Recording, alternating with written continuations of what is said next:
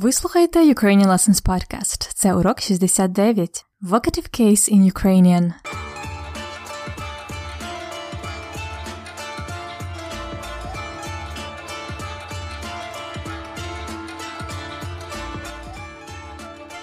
Добрий день, це Анна, і ви слухаєте подкаст Уроки української. Це сезон 2, епізод 69. Сьогодні 21 лютого 2018 року. Але, можливо, ви слухаєте цей урок влітку, восени чи в 2025 році. Сподіваюсь, через 7 років українською говоритимуть багато іноземців. А поки що за вікном ще зима 2018 року. І сьогоднішній урок буде частково про зиму, бо ви почуєте сьогодні дитячий віршик про сніг. В українській літературі є багато віршів для дітей, і маленькі українці часто читають вірші та вчать їх на пам'ять в школі. Тож сьогодні ви почуєте один такий віршик. А також ми будемо вивчати сьомий відмінок в українській мові кличний відмінок. То як? Ви готові до нового уроку української? До роботи! In my introduction today, I said that today is the 21st of February of 2018. But maybe you're listening to this in summer or in fall or even in 2025. I hope in seven years, через сім років, many foreigners will be speaking Ukrainian. And for now, it's the winter of 2018.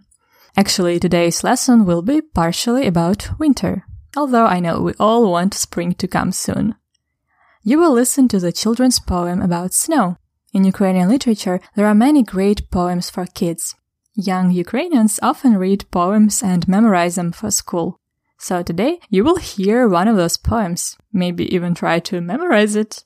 Also, we will be studying the seventh case in Ukrainian, the vocative case. To jak? Are you ready for the new Ukrainian lesson? Let's get to work. До роботи! As I mentioned before, you are going to listen to вірш, poem, дитячий вірш, children's poem.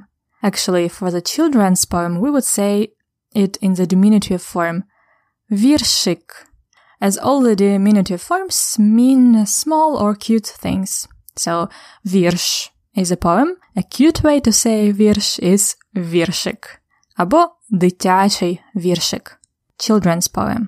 Цей віршик називається Білі мухи. Білий це колір. Ви знаєте, так? Муха це комаха. An insect it's a fly. Муха. То білі мухи це white flies, or probably it's a metaphor for something else. Winter related. Цей віршик Білі мухи написав Максим Рильський.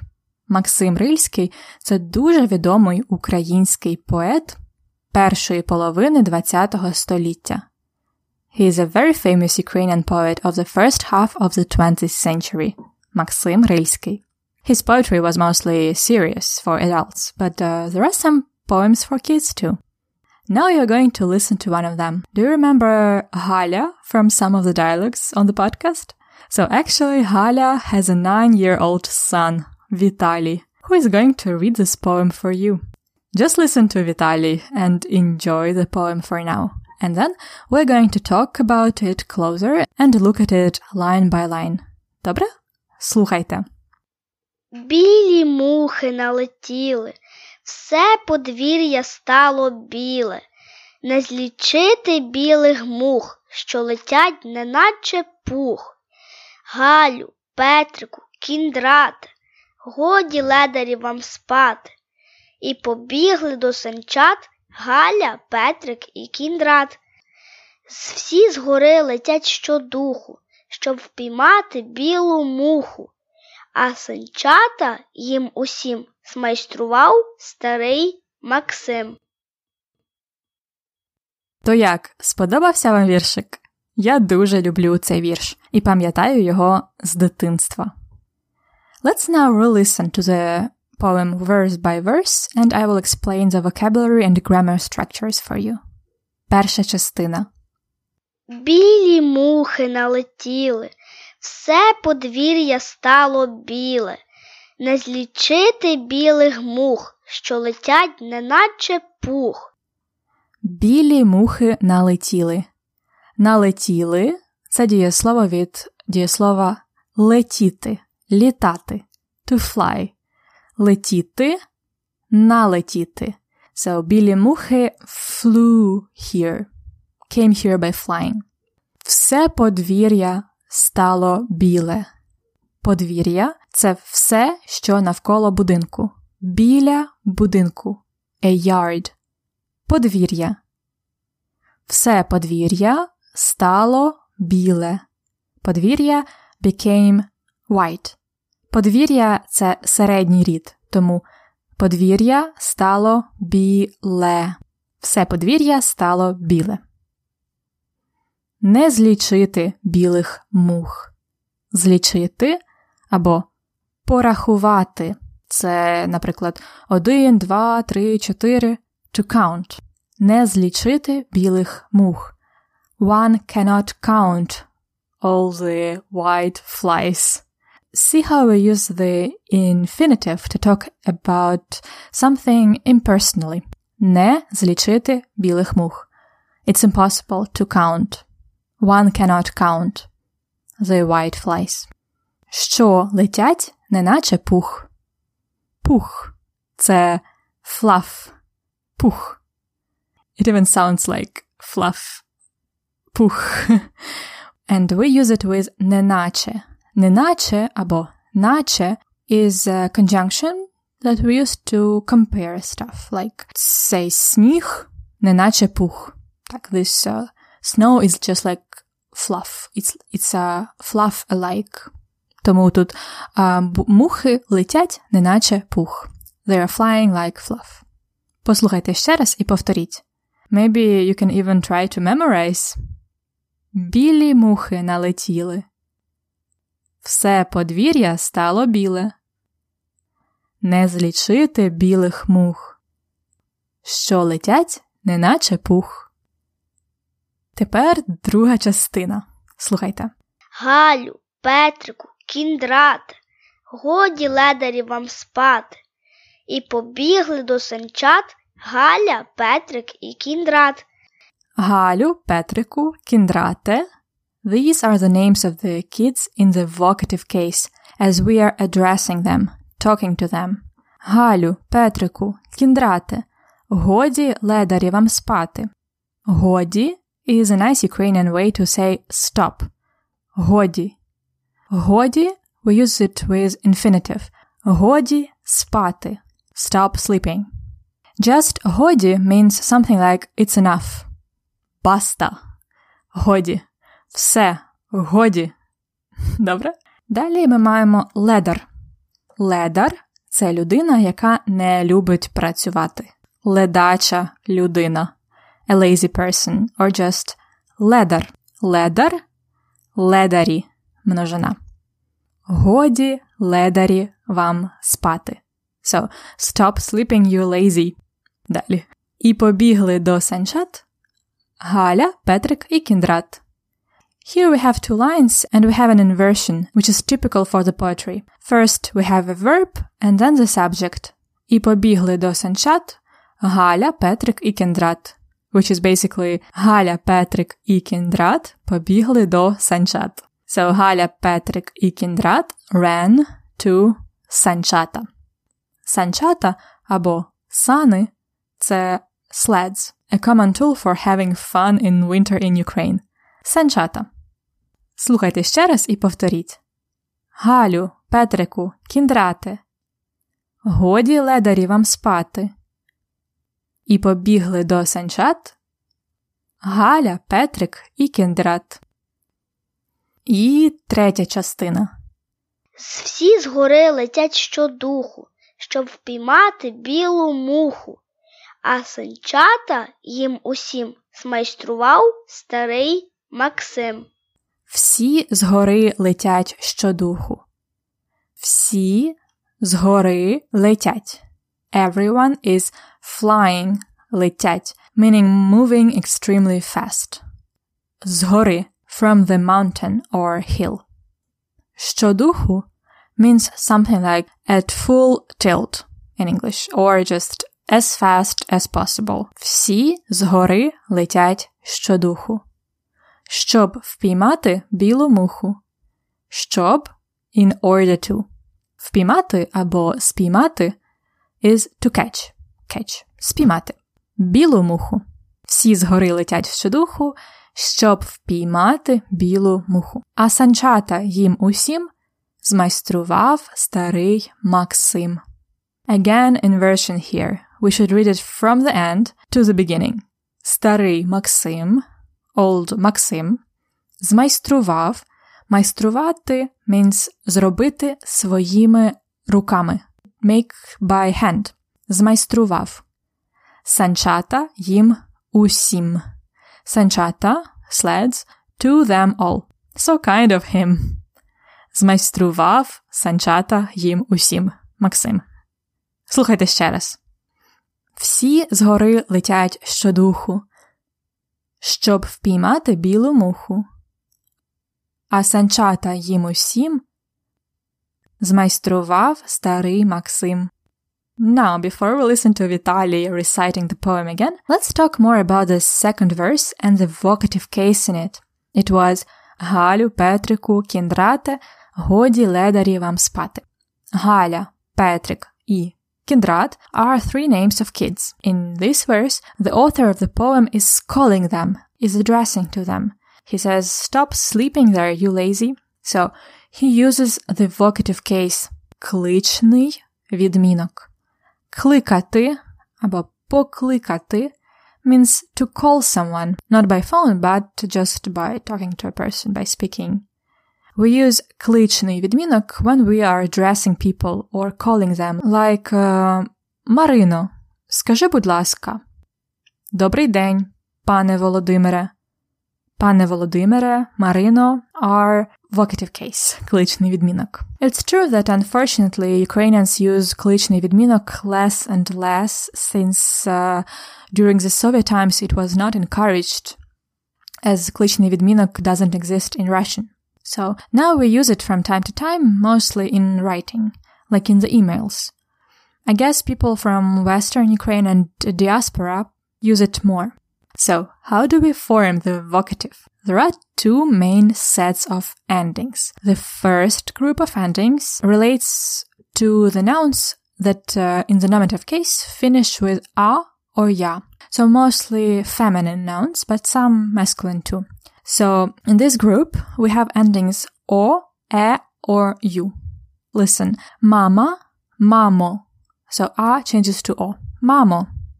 Mikola, Mikolo A to o. If uh, the word ends with ya, the ending would, will be e. Настя, Naste, Naste. Maria, Marie, Marie. So here we have ye by spelling, but we actually hear e. And uh, at last, the ending u is common for the diminutive names of girls uh, that end with uh, ya. So we've we've heard in the poem Галя, Halu.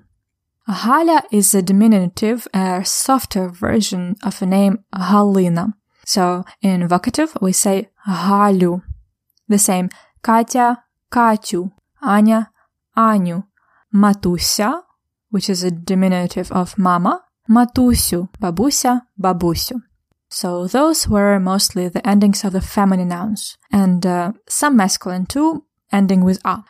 Most of the men's names finish with consonants, and this is the second group of endings for the vocative case. It is going to be e or u for men's names. Coming back to the poem, it was Halu, Petriku, Kindrate. So normally the ending for the masculine noun is e, like in Kindrat, Kindrat, Kindrate, Alexander, Alexandre, Taras, Tarase, Ostap, Ostape. However, we use u or you in these cases when the noun ends with ik, like Petrik. In this case, we would have to add u, Petrik, Petriku. Also, we have to add u for the following nouns. Listen. Tato, тату, батько, батьку, дід, діду, дядько, дядьку. So as you can hear, these are not names. These are just uh, names of the family members. Tato, батько, дід, дядько. Also, the ending u it goes with uh, masculine nouns that end with ch, like викладач, викладачу. And then we have the ending u for the masculine nouns if they end with soft sign or y. Василь, Василю, Юрій, Юрію. So again the poem. Галю, Петрику, Кіндрате, годі, ледарі, вам спати. Ledari is actually the vocative case too because we ad- address them. Ledari. But uh, the plural vocative stays just the same as the nominative.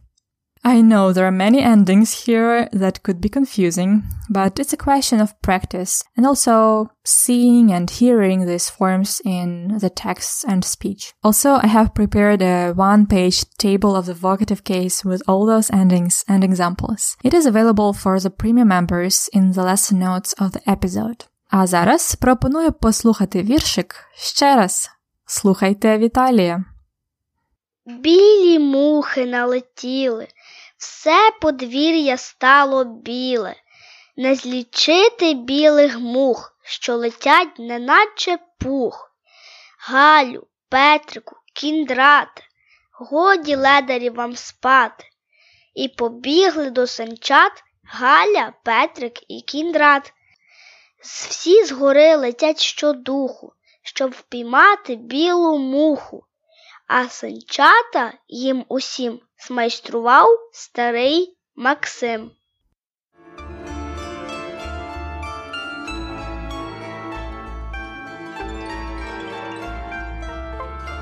Час практики на подкасті. So try now to form that кличний відмінок. Imagine that you want to call a person who is in the other room. What would you say for mama? Мамо. Mamo. Mama is feminine, ending with a. We use the ending o for vocative. Mamo. Babusia. Babusiu. Babusia is also feminine, but it's a diminutive form of baba. Babusia is a softer, nicer way to say grandmother, so we use you. Did. Didu. Remember those four nouns we learned that have the ending u дід діду, тато тату, дядько дядьку, син сину. Next. Таня. Таня. Таню. Tanya is a diminutive form of Tetiana, so we say you ending. Таню. Софія. Софіє. Софія is a feminine noun, but it's not diminutive, it's just name. And uh, instead of ya, we put ye. Sofia. Taras. Tarase. So most of uh, the masculine nouns ending with a hard consonant have ending e. Tarase. Andriy. Andriyu. Uh, this one is a masculine noun, but it is a soft ending, y, changes to u in the vocative. Andriyu. Let's try some foreign names too. Robert. Roberte. Because it ends with a hard consonant, so Roberte. Emma. Emmo. Just like mama, mama, mamo, Emma, Emmo. I guess that most of the foreign names uh, won't have the soft endings, so they will typically have the ending e for masculine, like Roberte, and o for feminine, emmo. Dobre? As always, you can get more practice filling in the exercise in the lesson notes of this episode.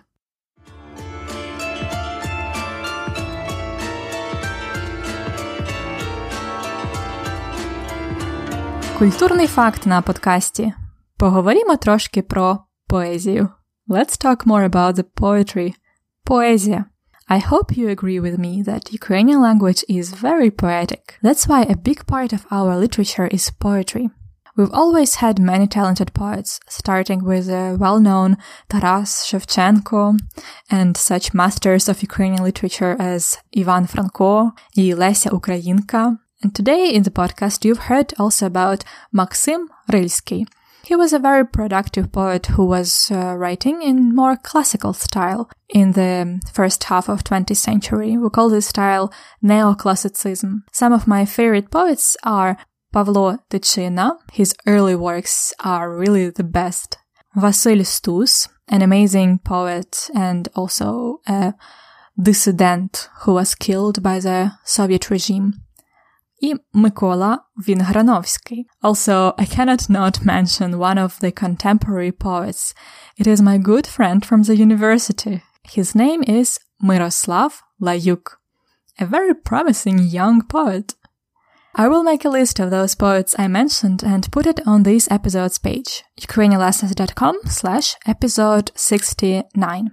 Oh, and I think it's also worth mentioning that Ukrainian poetry is a big part of the literature classes at school. Actually, starting from the elementary school and through the high school, we read a lot of different poetry, Ukrainian and foreign. We memorize poems and then recite them in front of the class, or even for the recitation contests. Those are very common. I took part in many of those. It is a very common task at school, at least once or twice a month, to memorize and recite a poem. I think it's a nice practice. What do you think? А вам подобається поезія? Який ваш улюблений поет? Напишіть нам у коментарях.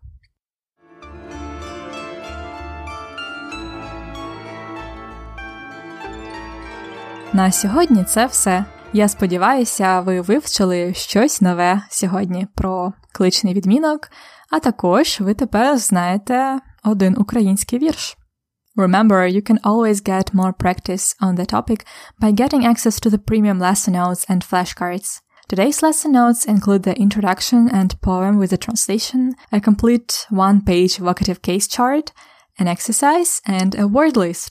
You can learn more how to become a premium member and get those names of the poets I mentioned if you go to ukrainianlessons.com slash episode 69. ukrainianlessons.com slash episode 69.